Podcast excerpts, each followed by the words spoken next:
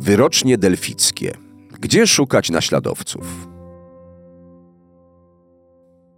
O wyroczni w Delfach słyszeli wszyscy, którzy nie spali na omawianiu w szkole lektury pod tytułem Mitologia Greków i Rzymian. Na wieki stała się symbolem braku wyrazistości przepowiedni. Ale była to niejasność podawana po mistrzowsku, tak żeby żadnych zażaleń nie było. Na przykład idący na wojnę żołnierz w odpowiedzi na pytanie, czy wróci z wojny, otrzymywał odpowiedź: Pójdziesz, wrócisz, nie zginiesz. Scenariusz powrotu lub śmierci zależał od postawionego przecinka. Pytia jednak nie udzielała żadnych przepowiedni na piśmie i niczego nie tłumaczyła.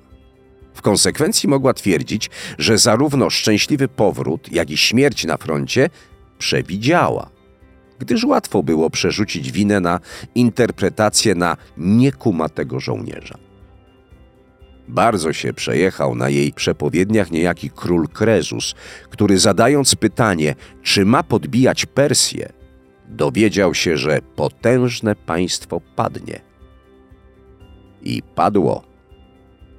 Tyle, że jego własne, bo wojnę przegrał. Wyrocznia delficka już nie działa.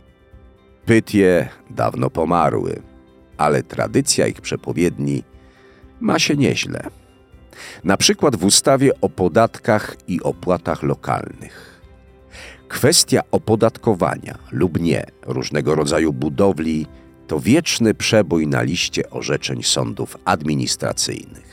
Na blogu hashtag podatki w biznesie znajdziecie sporo artykułów o delfickich przepisach w kwestii opodatkowania kontenerów mobilnych, ramp towarowych, instalacji przemysłowych itd. Tak i tak.